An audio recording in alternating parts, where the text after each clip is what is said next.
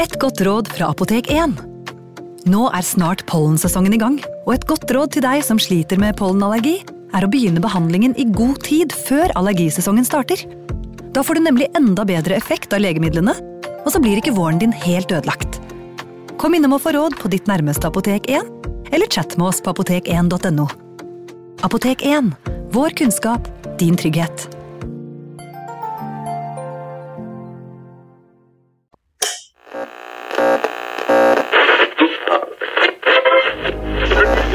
Vi skal gjenta særmeldingen i dag. Nummer én Kjerringa er galen. Nummer to På ski over lyng og kvast. Nummer tre Baklengs inn i aftensangen. Baklengs inn i aftensangen. Velkommen tilbake til flere mm, skal vi si, litt til nå hemmeligholdte historier fra andre verdenskrig. Mer eller mindre, skal vi si det, Erik Veum. Mm, mer eller mindre. Noen av dem har vært eh, ganske kjent, andre har vært eh, lite kjent, eh, og mange av dem har ikke vært så kjent som de blir her hos oss, da. Nei, men det handler om likvidasjoner, altså nordmenn og noen få tyskere drept av den norske motstandsbevegelsen under under andre verdenskrig. Yep. Altså planlagte likvidasjoner. Og eh, alt er basert på boka di. De kalte dem rottajegere, som kom i fjor, altså i 2022. Mm. Uh, og i dag uh, har vi kommet fram til uh, 1944, Ja. og nå begynner det antallet likvidasjoner å ta seg betraktelig opp. ja. 1944 er jo året da hvor, hvor antallet etter hvert økes, disse aksjonene trappes opp. Nå har det blitt ganske råere i Norge.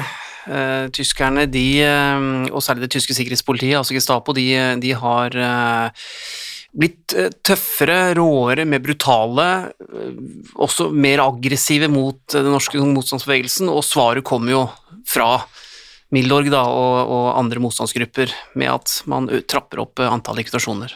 Var det også noe med at man hadde liksom brutt den barrieren litt? Altså, det sitter jo sikkert litt inne å drepe nordmenn uh, uten liksom helt på uten noe rettssystem eller noe som helst, at man på en måte vente seg litt til det? Ja. Ja da, nå hadde man eh, startet med slike aksjoner, sett at det hadde en form for en effekt ved at ved å drepe eller ta livet da, av en angiver eller informant, så så så man jo at eh, motstandsarbeidet i det området da gled litt lettere, uh, iallfall for en periode, og man så jo også at det skremte motstanderne, altså regimet, altså okkupasjonsregimet, både de tyske og norske aktørene der, og så, så man valgte å, å øke eh, denne metodebruken, og eh, nå er det jo også i hvert fall et mønster i at det blir eh, også stadig flere polititjenestemenn blant Ja. ofrene. Og da kan vi jo gå over til dagens eh, hovedperson, da. Dagens antihelt, kan vi kanskje si, ukas. Eh, Yngvar Løvdokk, Ja. 46 år, bosatt i Drammen. lensmann i Haug. Hvor, hvor er det? Ja, det ligger oppe i, eh, oppe i Hokksund, eller altså Øvre Eiker-området, mm. som var et lensmannsdistrikt der oppe. Men han var bosatt i Drammen, denne, denne Løvdåk, sammen med, med familien sin. Han, eh, han var gift med, med Amma. De hadde vært gifta i 20 år, og så hadde de to gutter, en Steinar og Dagfinn, de var 16 og 17 år gamle. Ja. Altså, han, Løvdok var opprinnelig fra Nes i Hallingdal, men han hadde bodd da i Drammen i mange år, vært politi der, og nå hadde han da fått jobb som, som lensmann da oppe i, oppe i Haug i distriktet. Og eh, trofast medlem av Nasjonal Samling, og hadde jo utmerket seg ved også være en, en polititjenestemann som eh, var svært aktiv i å rulle opp motstandsnettverk både i Drammen og, og i området rundt. Han eh, skal på fest, han, når han går ut eh, døra si litt over halv sju på kvelden. Ja, Den eh, 18. januar, tirsdag 1944. Ja, det var tirsdagskveld, men eh, han skulle på fest. Han var eh, invitert til en lensmannskollega som het Hans Christian Kvan, som bodde ute i Skoger, som ligger litt sør for Drammen. Og eh, der var det, eh, som sagt, invitert til fest. Det var flere Eller det var et herreselskap. Etter jul, så en slags juletrefest eh, for herrer? Ja, ja, det var, det var, eh, en herreklubb eller en herregjeng som skulle møtes, og um, der hadde jo Løvdokk pynta seg, forberedt seg veldig på det. Denne kvelden så er det jo um, Det er vel litt over, over halv sju da han, han, han går ut hjemmefra, og det er, det er veldig tett tåke over Drammen denne kvelden. Drammen ligger jo like ved Drammenselva, og når elva er åpen, så, så så blir det ofte tåke. Ja. Eh, men det er, det er, eh, det er mildvær, eh, så veldig kaldt, men, men han kommer da ut, det er helt mørkt, og, og byen da er har et sånt lokk av tåke over seg. Ja, mørkt, ja, fordi det var ikke noe gatelys. Det ble, det ble blending, da. Ja, det er jo ikke noe gatelys, nei, og har blendingsgardinene, så, mm. så, det er bekmørkt ute.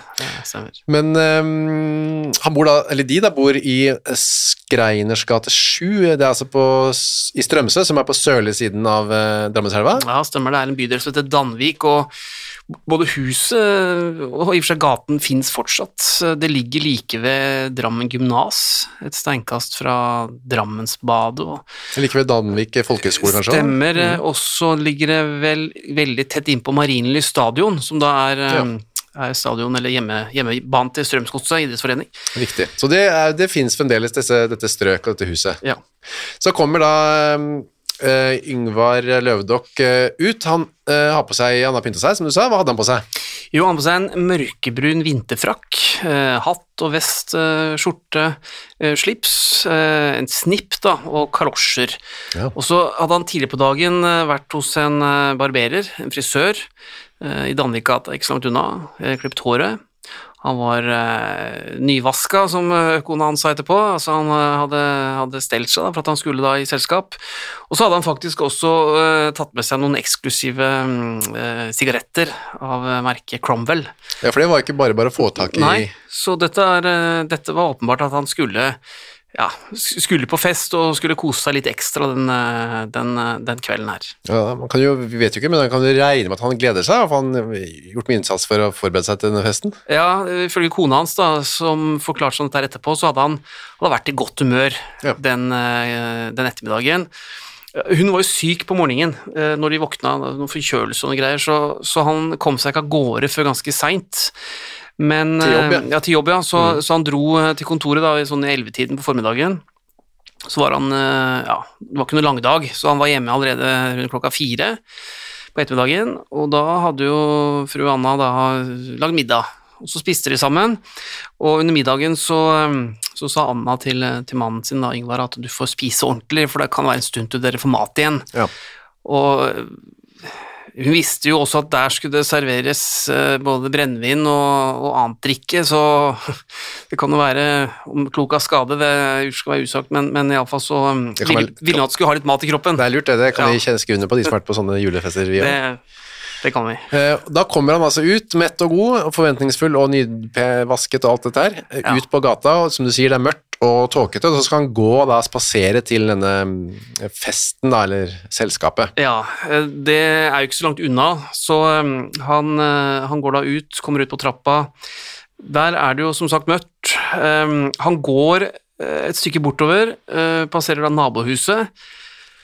Og han bor da i, i gate nummer tre, så kommer han forbi nummer fem, og da kommer det i og for seg en, eh, en ung mann, uh, bort til ham, som har stått og venta, tydeligvis, utenfor huset. En ganske ung mann?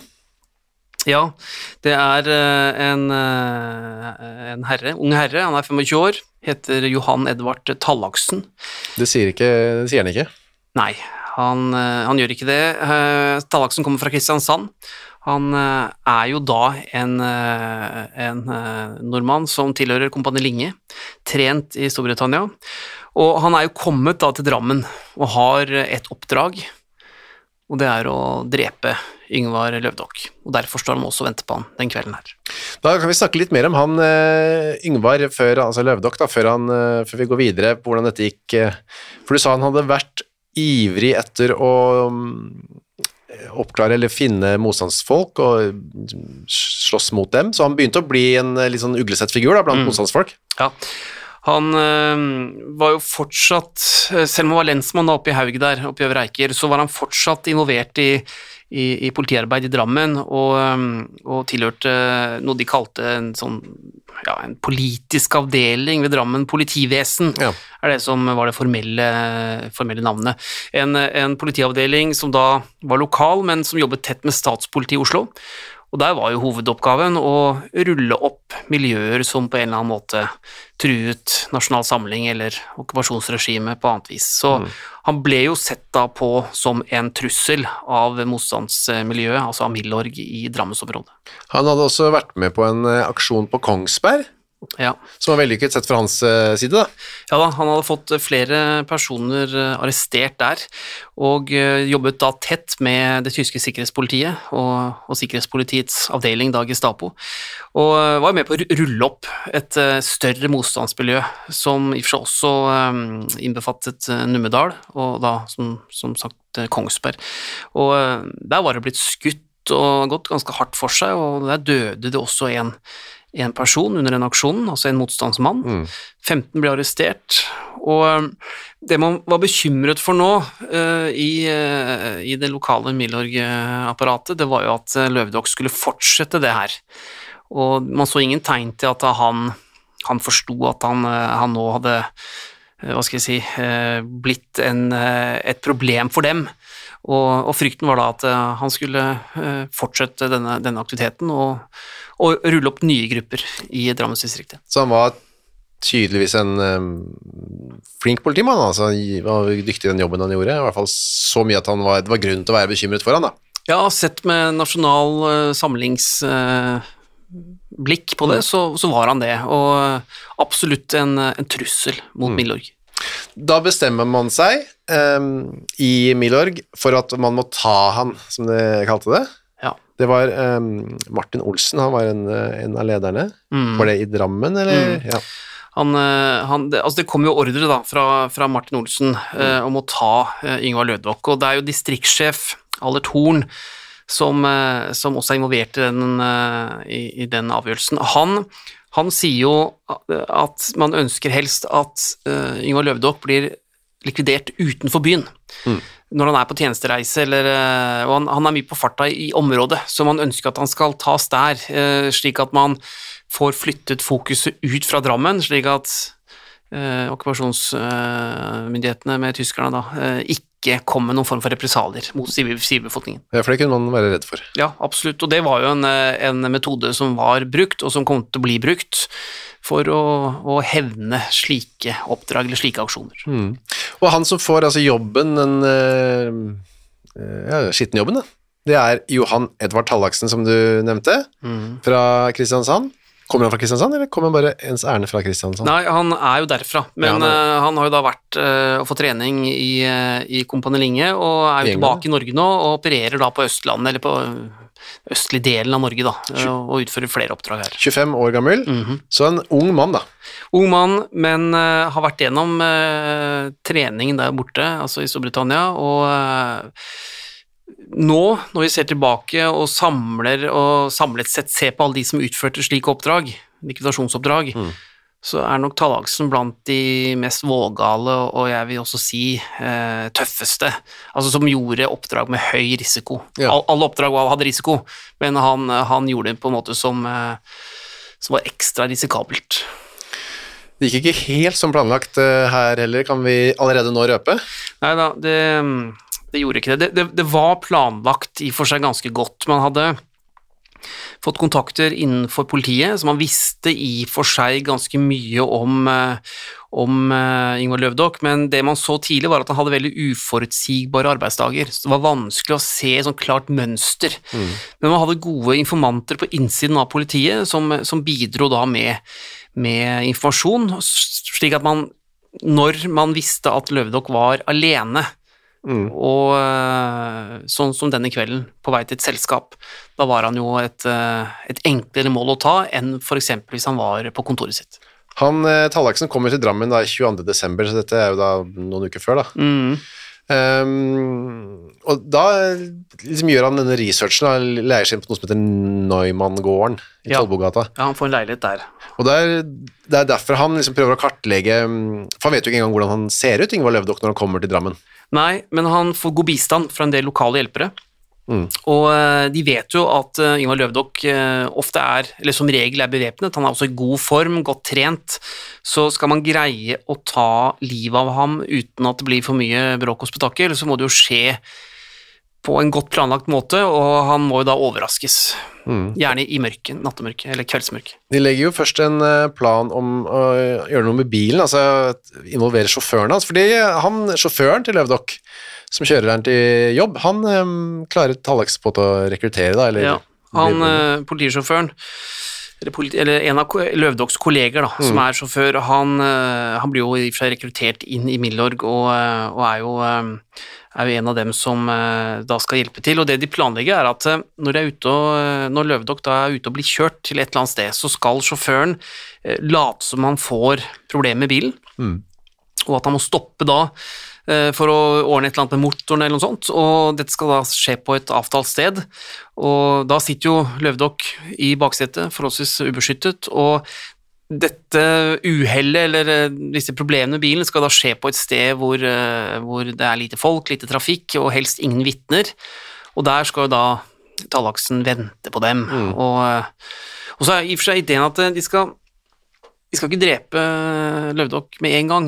Det er iallfall det som er planen. De skal slå han bevisstløs, i, altså slå ham i hodet med en kølle eller en batong, slik at han mister bevisstheten. Og så skal de ta med seg bilen da, til et eh, øde, avsidesliggende sted, og, og så skal han bli avhørt der på et eller annet vis.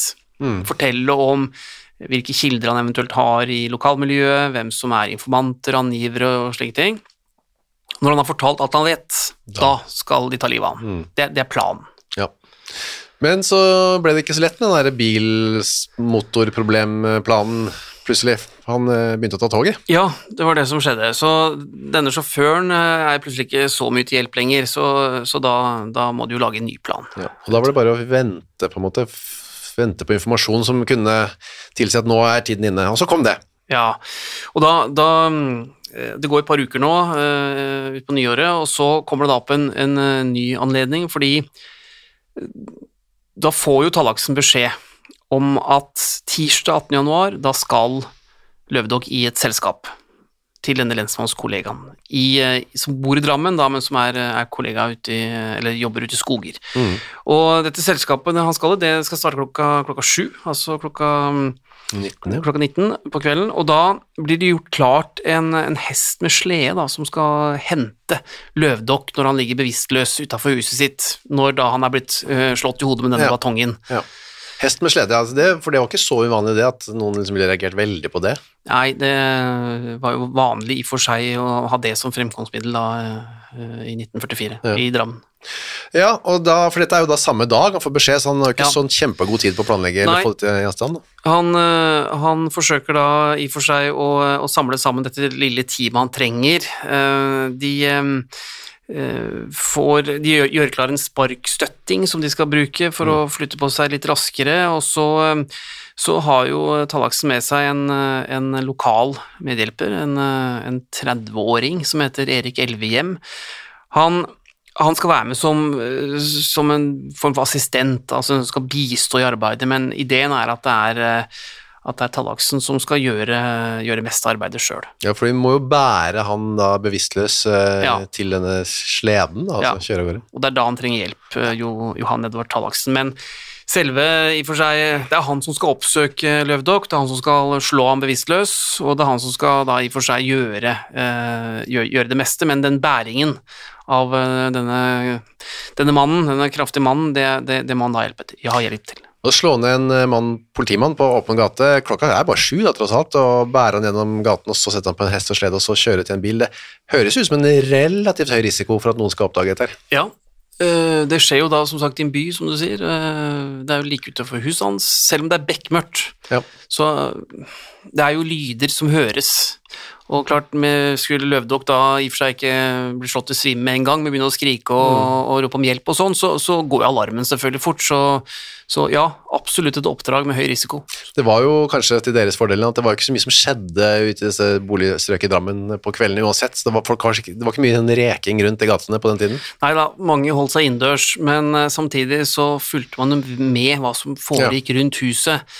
Det var jo ikke noe TV eller eh, så mye musikk eller eh, annet som, som eh, Ja, det var ikke radio, lov til å ha radio lenger heller. Nei, så, så lyder ville høres ganske, ganske lett. Så klart, dette var høy risiko, ja. Folk satt inne i leilighetene sine og husene, men de kjeda seg antageligvis. Ja, det gjorde de nok.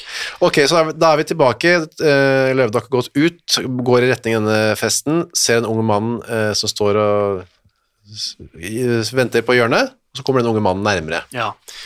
Og så spør jo eh, spør jo Johan Edvard Hallaksen eh, Løvdokk eh, om om han virkelig er lensmann Løvdokk. Ja. Og får bekreftet at ja, ja det, det er meg. Og så spør Tallaksen om han Løvdokk altså har fyrstikker. Og det har han jo. Han begynner å rote i lommene. Og det var jo vanlig at alle hadde fyrstikker på den tiden, for da de aller fleste røkte jo. Så, så det var i og for seg naturlig å spørre om det. Og um, når Løvdokk begynner å rote ned i frakkelommen eller jakkelommen der for etter disse fyrstikkene, så er han litt sånn uoppmerksom. Og um, da tar jo Løvdokk frem denne, denne en sånn batong, eller en kølle. Tallaksen, ja. Ja, ja unnskyld, tallaksen. Tallaksen. Fram denne uh, kølla han har i, på innlomma. Det er en ganske svær sånn politikølle, ikke sant? Ja, mm. og den har han fått i for seg fra en uh, polititjenestemann, og gjør seg klar da til å slå Løvdokk i hodet, slik at han svimer av. Men Ja, det er et men. Fordi idet han skal slå, altså han løfter armen eller, eller hånda for å slå, så, så ryker en sånn rem som er festa rundt håndleddet for at uh, nettopp ikke skal miste den kølla. Og når den ryker, så, så blir slaget i og for seg eh, veldig sånn svakt, og Tallaksen har også på seg votter. Som gjør at han, eh, han, eh, han får ikke holdt dette, dette slagvåpenet da eh, spesielt Eller, eller ordentlig. Og så mister masse av kraften idet Ja. han skal dundre til. Da. Ja, så han, han treffer i og for seg Yngvar Løvdokk i, i, i skallen, altså i hodet, og han lager en flenge like ved den høyre tinningen, så det kommer litt blod og sånn. Men øh, denne lensmann Løvdokk, han står fortsatt oppreist. Han faller ikke om, og han svimer ikke av. Tvert imot så skjønner han at ops, her er det fare på ferde. Ja, sannsynligvis så skjønner han at han er i livsfare. Ehm, Ja, han skjønner kanskje av hvem som prøver å ta han òg. Er Ja. sikkert, den tanken har sikkert streifet han på forhånd, at det, dette kan skje. Han eh, har mottatt adv- advarsler tidligere, tidligere, så han vet jo at motstandsbevegelsen er, eh, er etter ham, og eh, ja, han blir nok livredd, for iallfall så begynner han å, å løpe. Han eh, blør jo fra hodet, men han eh, løper da mot det nærmeste huset, som er da i og for seg nabohuset til der han bor. Og han eh, Han skriker. ja, han skriker i panikk, eh, iallfall er det det som eh, vitnene fortalte, og han roper 'Fru Andersen, hjelp!' Og det er jo da åpenbart naboen. Og akkurat nå så er jo situasjonen for, for Tallaksen ganske alvorlig, for nå har jo planen feilet fullstendig. Situasjonen er helt ute av kontroll, og han har jo nå bare ja, noen tiendedels sekunder på å avgjøre hva han skal gjøre nå. Ja, for Alternativet er jo da gi opp og løpe vekk og mm, reddes det som reddes kan, fordi ja, nå kan alt skje. Eller eh, drepe han, da. Ja, og Tallaksen velger det siste, eller vil forsøke på det siste. Så han tar frem en pistol, Kaster den kølla vekk. ja, og stemmer, han, øh, og den havner da noen meter unna, og så tar han frem en pistol og avfyrer først øh, to skudd mot uh, Yngvar Løvdokk, og han er jo nå på vei da mot dette nabohuset. Um, det ene uh, prosjektilet det treffer i og for seg trappen, så han, han, han bommer jo da på, på Løvdokk, mens det an, den andre kula, da, den andre, det andre skuddet, det, det treffer det, det treffer på siden av kroppen til Løvdokk, og øh, går i og for seg gjennom, og i, altså inn gjennom da siden, og like ved hjerteregionen, og gjennom kroppen hans, rett og slett.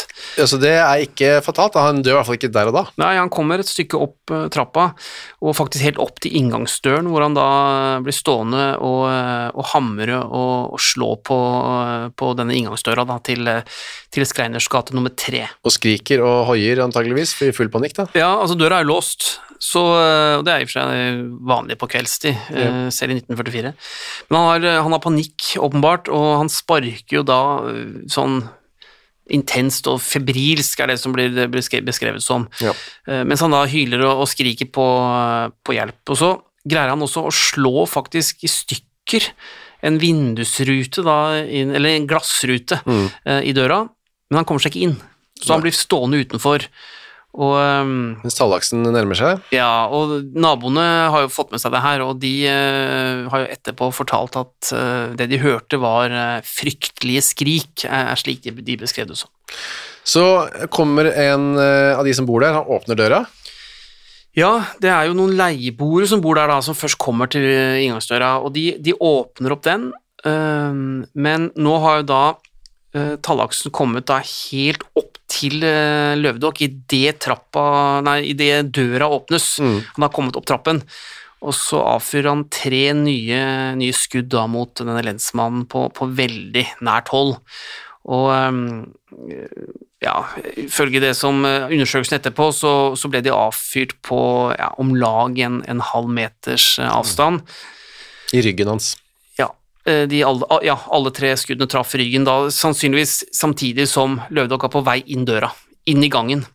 Så, ehm, så traff tre skudd i ryggen. To av dem gikk tvers igjennom eh, kroppen og ut av brystet, og da sier det seg selv at eh, de skadene, de skuddene, var, var fatale. Olav Andersen heter han som eh, lukker opp døra. Mhm. Han er 63 år, jobber som eh, stasjonsformann på Drammen eh, jernbanestasjon. Stemmer. Han vrir opp låsen, så da detter eh, han inn, da, Løvdokk. Ja, ja, altså, ja, han åpner døra, og da, da, da faller da Løvdokk fremover og, og lander på, eh, på magen, på gulvet rett foran ham. Så det må jo ha vært litt sånn overraskende. Altså, Ja, dramatisk vending på kvelden. Absolutt. Eh, da skyter han Er det da skyter han enda to skudd, eh, Tallaksen, eller hvordan Ja, er det? jo da, han, eh, han er jo ikke sikker på at Løvdokk er død, så han, han tar altså pistolen inn gjennom døråpningen, altså som nå står oppe da, og, og avfyrer da to nye skudd mot Yngvar Løvdokk, som nå ligger da på gulvet inne i, Gangen der. inn, inn, i gangen der. ja. Og så snur han rundt, Tallaksen altså, og går raskt ned trappa og, og, og bort fra huset. Og han, han avfyrer ingen skudd mot denne Olaf Andersen som åpna døra. Nei.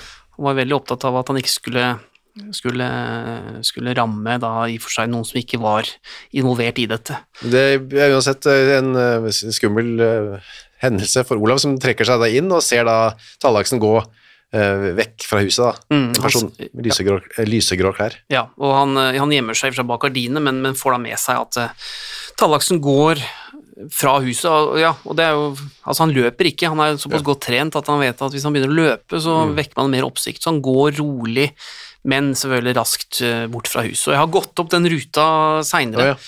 og det er jo tett mellom husene der, men eh, det var, det var spesielt å gå den samme ruta Mm. som da Tallaksen gikk etter å ha, ha drept da Yngvar Løvdokk eh, på trappa til nabohuset. Men Det som eh, Olav gjør nå, Olav Andersen går ut i en entrén, og der ligger da, som du sa, Løvdokk eh, med ansiktet ned, da, men han er jo ikke død, da. Nei, han er ikke det. Han, øh, han øh, ligger og lager noen lyder, og øh, Andersen kan jo høre at han ynker seg på en eller annen måte, sånn at det kommer vel øh, ikke, ikke, ikke mange ord, men, men han, øh, han har veldig svak stemme, og så um, sier han etter hvert, når han etter, altså etter en liten stund, så får han tydeligvis igjen litt sånn pust, og så sier han at det, det er løvdokk, jeg er skutt, sier han. Ja.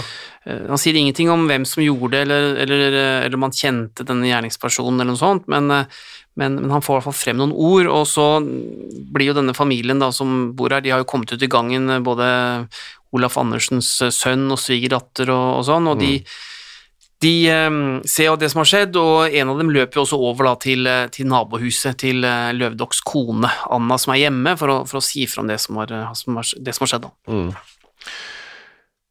Selve mm, Altså gjerningsmannen, Tallaksen, han kommer seg vekk.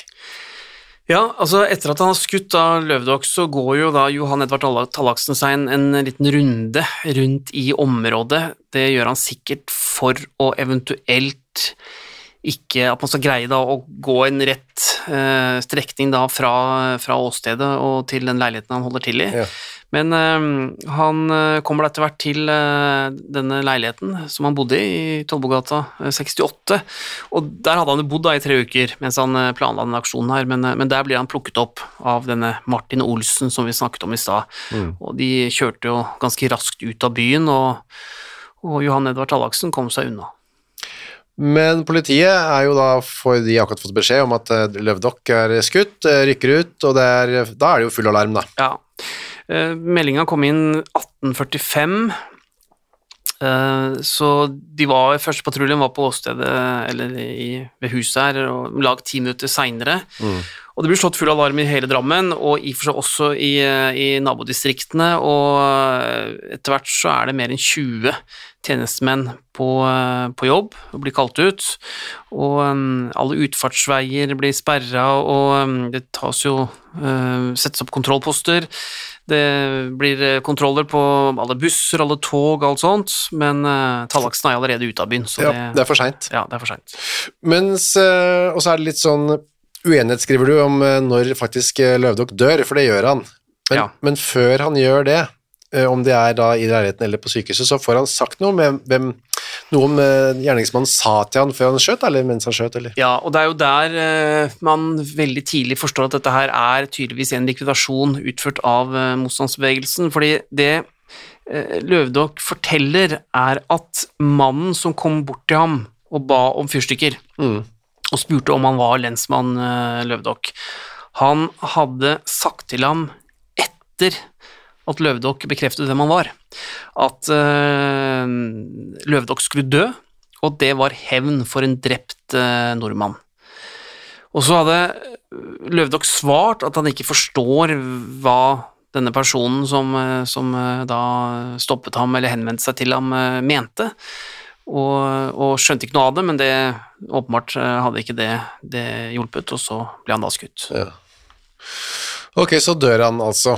Em, ja, han Ja, hadde da- blitt skutt mange ganger. Ja, og det det det er litt, eh, litt sånn eh, litt forskjellige forklaringer, alt etter hvilken rapport man, man leser, men uh, Yngvar Løvdok han lever uh, alt fra noen minutter til uh, ja, det er vel snakk om en, en, en, en par timer, men han dør samme kveld, og, mm, og det går da ut melding klokka 21, altså klokka 9 på kvelden, til kollegaene i politiet, og da særlig ved lensmannskontoret oppe i Hokksund, at uh, Yngvar Løvdok er drept i et såkalt uh, attentat. Det der eh, selskapet, herreselskapet, det, de lar seg ikke affisere så mye av det. Nei, og det, det er litt pussig, altså, fordi dette, dette herre, herreselskapet da, hos denne lensmann eh, Hans Christian Kvan, det, det blir faktisk avholdt som planlagt, selv om en av gjestene da er blitt skutt eh, like, eh, like før. Men eh, det som, de som var der forteller, da, at flere av i og for seg gjestene, de, de må da ut på jobb. Dette er jo politi, eller de ansatte i politiet som, som ledere eller i andre funksjoner. Og de må jo da ut og jobbe litt i løpet av kvelden, men, men eh, de kommer tilbake uh, Ja. utpå natta, flere av dem. Og festen den holder eh, faktisk på til, eh, til fire om morgenen. Så eh, de eh, tok gravøl litt tidlig, de her. Ja, ja, de lot seg ikke stoppe av en, et lite drap blant gjestene. Nei. Men så kommer det faktisk da eh, dødsannonsen, den er på trykk dagen etter. Ja, det er veldig kjapt. Ja, det gikk fort, men der, eh, der står det da at eh, kona Anna da, og de to, eh, to guttene, de to tenåringsguttene, de hadde da mistet sin eh, inderlig kjære mann og vår snille, oppofrende pappa, var det som sto da i, i dødsannonsen. Men så var det jo denne etterforskningen, og da, var jo, eh, da blir det både kriminalpolitiet, tyske sikkerhetspolitiet koblet inn, da. Men eh, de sliter jo litt med å finne ut hvem det som står bak. Ja, altså det er eh, De finner jo da ingen eh, Altså, de finner noen patronhylser, men, mm. men det sier i og for seg lite. De finner ingen, eh, ingen eh, gode fotspor, eh, eller noe, noe spesielt som kan gi da informasjon om denne gjerningspersonen de leter etter. De Det, finner Kølla. ja, de finner eh, denne politikøllen. Den blir funnet da neste dag i dagslyset, og der eh, Den ser de jo er en politikølle, og de forstår at den enten er stjålet eller kanskje da overlevert eller, lånt ut av, en tjenestemann. Ja. Så eh, de, sendt, de tar bilde av den, og, eh, og eh, den blir i og for seg Eller eieren blir etterlyst. Den blir avbildet i Polititidene da, noen dager seinere, altså 28. januar 1944. Denne køllen var eh, 35 cm lang, veide en eh, 525 gram. Og eh, ja, det er en vanlig politikølle, men det som gjør at man, man, man er i for seg eh, litt mistenksom til akkurat den køllen, da, og eieren av den, er at eh, initialene til, eh, til eh, den tjenestemannen som tydeligvis hadde eid den kølla, Ja. de var skrapet vekk. Ja. Og det indikerte jo at eh, man hadde, eller de som hadde likvidert Løvdokk, hadde noen hjelpere på innsiden av politiet, og da blir jo, eller, blir jo selve likvidasjonen sett på som enda mer alvorlig. At det faktisk er eh, tjenestemenn som har vært med på, eller vært delaktige da, i å ta livet av en av sine egne. Det var det jo òg. Det var det. Så alle måtte møte opp, eh, alle polititjenestemenn i Drammen måtte møte opp og vise fram kølla si, holdt jeg på å si. Ja, uh, iallfall politikølla si. Ja, og eh, og eh, der eh, finner de jo ikke noe, de finner ikke noe ut av det. Nei, alle og, hadde. Ja, og han som eh, ga den fra seg, eller lånte ut den kølla, han hadde da fått eh, en ny. Men eh, han har beskrevet at han da sto på den kontrollen, så var han veldig nervøs. Så du vet hvem det er, for det står ikke i boka? Nei, det står ikke i boka, og jeg fikk i og for seg, så vidt jeg husker nå, så i dokumentene så var det vel bare en, eh, en, en forklaring fra tjenestemannen, eh, men at, eh, at han var nervøs, men, men at det gikk bra. Han hadde fått seg en ny, ja. Han hadde fått en ny. ja. Ok, ja, det var sikkert et litt intenst øyeblikk når han ble kalt fram der. Ja, han eh, visste jo hva han risikerte. Ja. Um, så overtar Oslo uh, Statspolitiet. Ja, statspolitiet. For de vet at det er, eller regner med at det er en likvidering, da. Ja, og da Det som kom da, ble kalt Statspolitiets mordkommisjon, og da er det jo i og for seg alvor når de kommer. Han Martin Olsen som eh, var involvert, han kommer litt på sporet. Ja, han ble etterlyst av statspolitiet. Det skjer jo bare noen dager etterpå, mm. 26. januar i da 1944. Og broren hans også, Åge Andreas eh, Olsen, han, eh, han jobber jo ved Drammen lampefabrikk. Uh, har ikke vært sett der på noen dager, så man setter jo dette i sammenheng da, med at de har vært involvert i noe. Og uh, Martin vet vi jo hadde vært involvert i planleggingen, og selvfølgelig var jo også en av oppdragsgiverne. De finner man ikke, men da finner man på noe annet isteden. Ja, man tar, eh, man tar mammaen, uh, Olga Ekeland Olsen, og så storesøstera, Ellen. De to uh, blir arrestert av 21. januar 1944, og, eh, men overlever. Altså, de, de sendes til Grini uh, fangeleir, og der sitter de fram til mai 1945. Ja, så et år, litt over et år, da. Ja, så det, det var måten man i og for seg kunne straffe noen på man ikke fikk tak i. Da tok man familien i. Ja, og etter hvert så ble det jo verre represalier enn det òg. Ja. så er det noen i Drammen som ikke er så interessert at denne saken skal oppklares òg. Ja da, det er um, en uh, tjenestemann, altså en politifullmektig uh, ved kammeret i Drammen, Ivar Storm Salamonsen. Han uh, får senere flere lederstillinger i politiet. Han uh, tjenestegjør jo også i, i Østfold, i Moss, seinere. Men han, han er jo en av Milorgs viktigste kontakter. Er jo selv involvert i motstandsarbeid i Milorg, han er jo sentral der.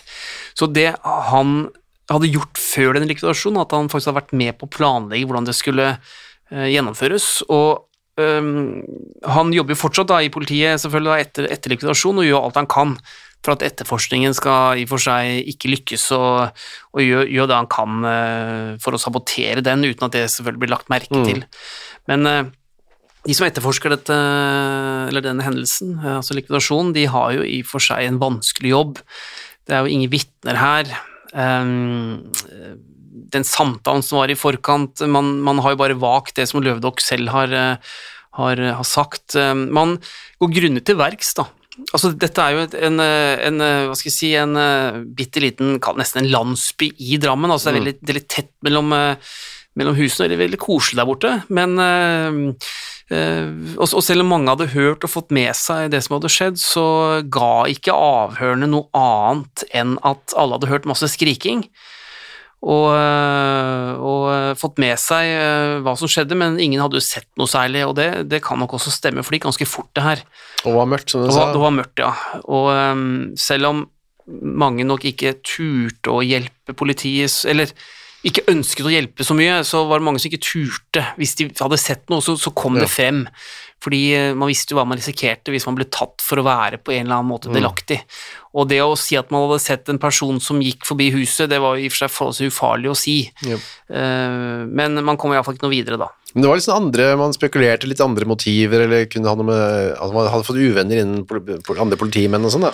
Ja, og eh, han ble jo lagt merke til, Ingvar Løvdok, som vi snakka om eh, i og for seg tidligere, at han, han eh, var veldig sånn engasjert, eller altså veldig Altså, han, han, han, eh, han, han gjorde mer enn han måtte. Ja. Og eh, som det ble beskrevet, han, eh, han viste nidkjærhet i tjenesten. Mm, det er ikke alltid så populært. Nei, altså iallfall ikke når det fortsatt jobba en del i politiet her som i og for seg verken hadde spesielt sans for Nasjonal Samling eller, eller uh, okkupasjonsregimet, så, så ble det lagt merke til.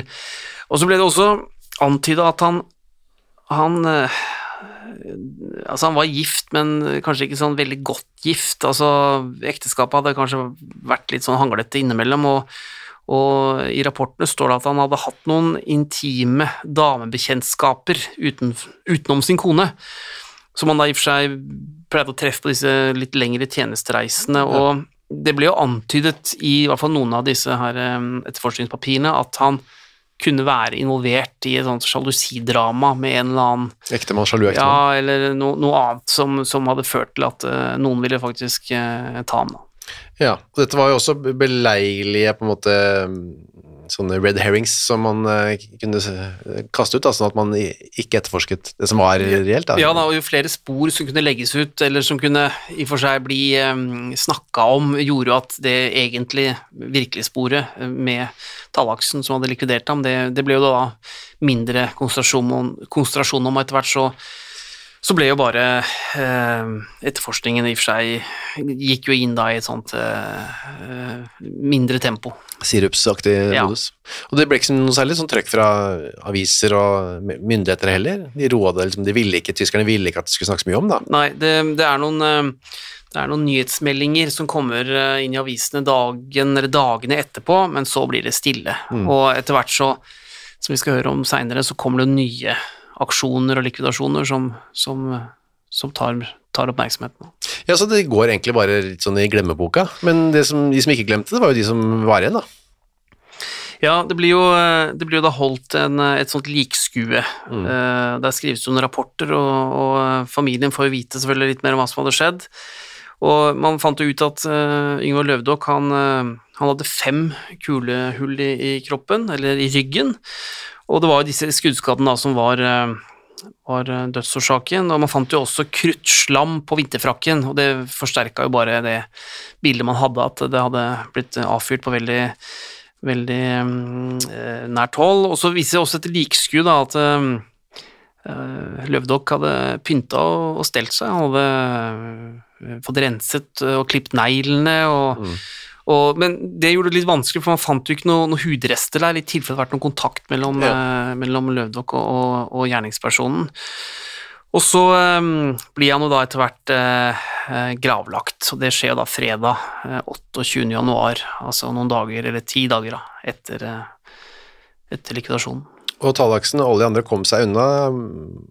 Mor og søster til ja, medhjelper Olsen de satt på, kom på grin etter hvert, men ellers så var det da bare ja, at livet skulle gå videre da, for eh, familien og, og de som var igjen. Ja, og hvis vi går et par år frem da, etter krigen, eller altså ett år frem, halvannet år frem, så, så er jo Ingvar Løvdok glemt uh, av de fleste, selvfølgelig. Altså, det ble jo de likviderte mm. når freden var tilbake, men familien uh, glemte han jo naturligvis ikke. Og kona hans, Anna, hun ble boende, boende i huset eh, i Drammen, Uh, flyttet der etter hvert uh, over en leilighet. Det er også interessant å følge den, den familien her, for å se jo at sønnene de, de, de, de greier seg ganske bra etter krigen. De skaffer seg utdannelse.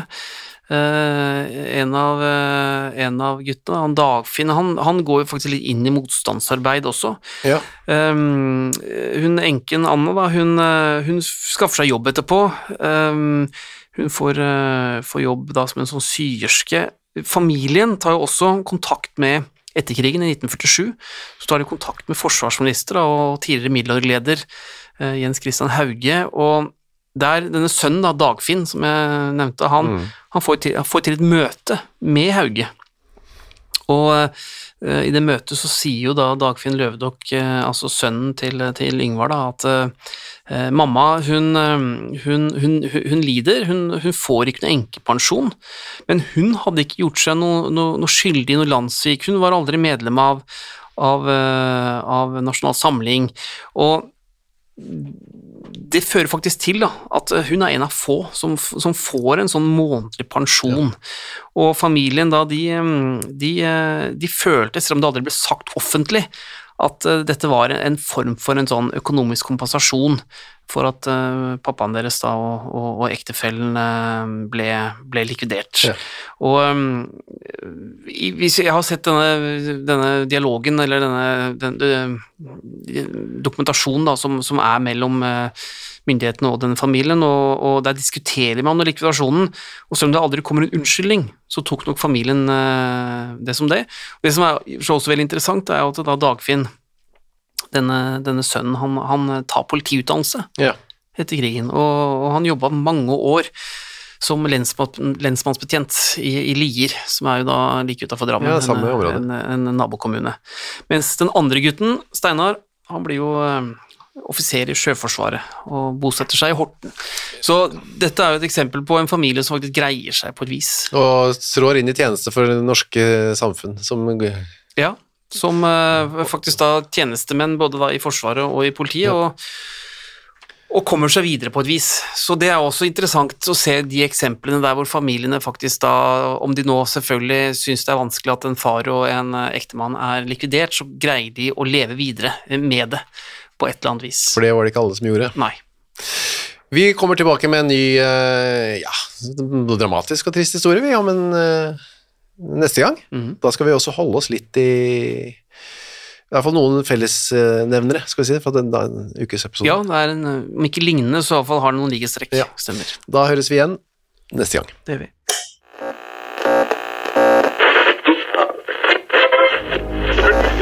Vi skal gjenta særmeldingen i dag. Nummer én Kjerringa er galen. Nummer to på ski over lyng og kvast. Nummer tre baklengs inn i aftensangen.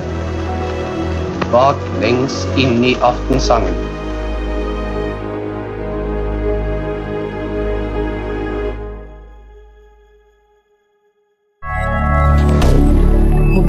Media. Har du et enkeltpersonforetak eller en liten bedrift? Da er du sikkert lei av å høre meg snakke om hvor enkelt er med kvitteringer og bilag i fiken, så vi eh, gir oss her, vi. Fordi vi liker enkelt. Fiken superenkelt regnskap.